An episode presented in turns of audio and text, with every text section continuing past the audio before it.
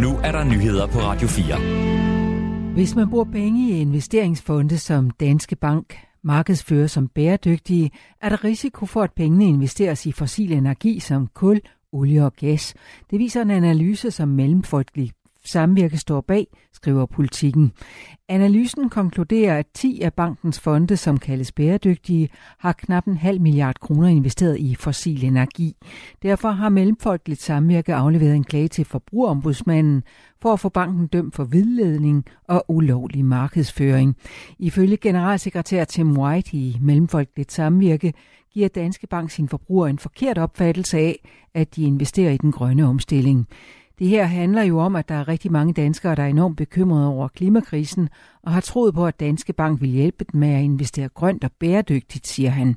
Danske Bank understreger over for politikken, at det ikke er meningen, at investerede penge i grønne fonde skal ende i selskaber, der udvider deres fossile aktiviteter. Derfor værdsætter man de informationer, der nu kommer fra Mellemfolkeligt Samvirke, lyder det. Efter lange forhandlinger, der i dag skrevet under på en toårig overenskomst for 10.000 lønmodtagere i malerfaget, skriver danske malermestre i en pressemeddelelse. Aftalen indebærer, at mindstebetalingssatsen hæves med 4,50 kroner både i år og næste år. Arbejdsgiverne skal også indbetale 2% mere til de ansattes pension, og de ansatte skal betale 2% mindre. Per Vangenkær, formand hos Danske Malermestre, er tilfreds med aftalen, som han dog kalder dyr for arbejdsgiverne. Vi har haft nogle gode forhandlinger, der var fra begyndelsen en bred erkendelse af, at vi skulle lande en aftale og ikke ende i forlisinstitutionen, som vi tidligere har gjort, siger han i pressemeddelelsen. Statsminister Mette Frederiksen tog i dag på officielt besøg i Ægypten. Da hun ankom, forklarede hun, hvorfor det er vigtigt med relationer til Ægypten, der står på venskabelig fod med Rusland. Mange lande ser forskelligt på det, der sker, øh, også omkring krigen i Ukraine, og det bekræfter i min øjne kun behovet for en endnu tættere dialog. Siger Mette Frederiksen til DR og understreger over for tv-stationen, at det er vigtigt med alliancer.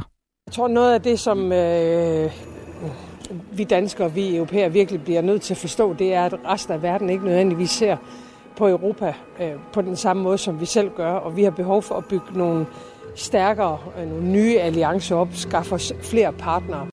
Formålet med besøget er at styrke det dansk-egyptiske samarbejde med fokus på grøn omstilling og samarbejde om fælles globale udfordringer, da Ægypten er en vigtig samarbejdspartner for EU, når det kommer til migrationsområdet, lød det tidligere i en pressemeddelelse fra statsministeriet.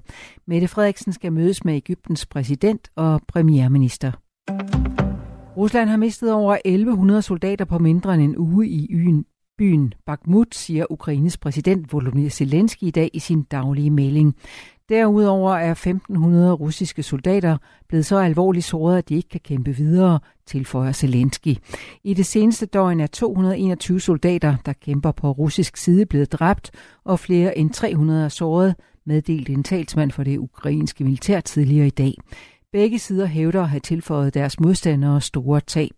Ruslands forsvarsministerium meddelte tidligere i dag, at over 220 ukrainske soldater er dræbt i den bredere Donetsk-region, hvor frontlinjen ligger i løbet af det seneste døgn. Det er ikke muligt at få tabstallene bekræftet af uafhængige kilder. Der er Oscar-uddeling i nat, dansk tid, og mange stærke film er med i konkurrencen. Danskerne er outsider ved prisshowet og har ikke de store chancer, siger blandt andet Simon Lering Vilmont, der står bag et hus af splinter, der er nomineret i kategorien bedste dokumentar.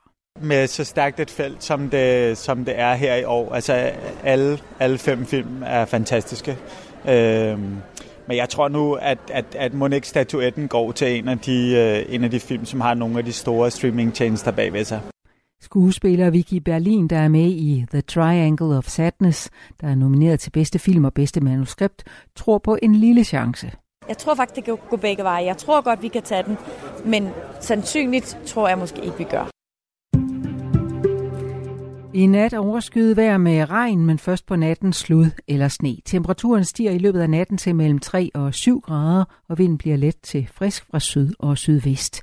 I morgen overskyet med udbredt regn, men om eftermiddagen kommer der en overgang mest opholdsvejr, lokalt måske med lidt sol, og så får vi temperaturer mellem 6 og 11 grader. Vinden tiltager til frisk vind til kuling fra sydvest, ved vestkysten nogle steder hård kuling med kraftige vindstød. Det var nyhederne med Susanne Digmar.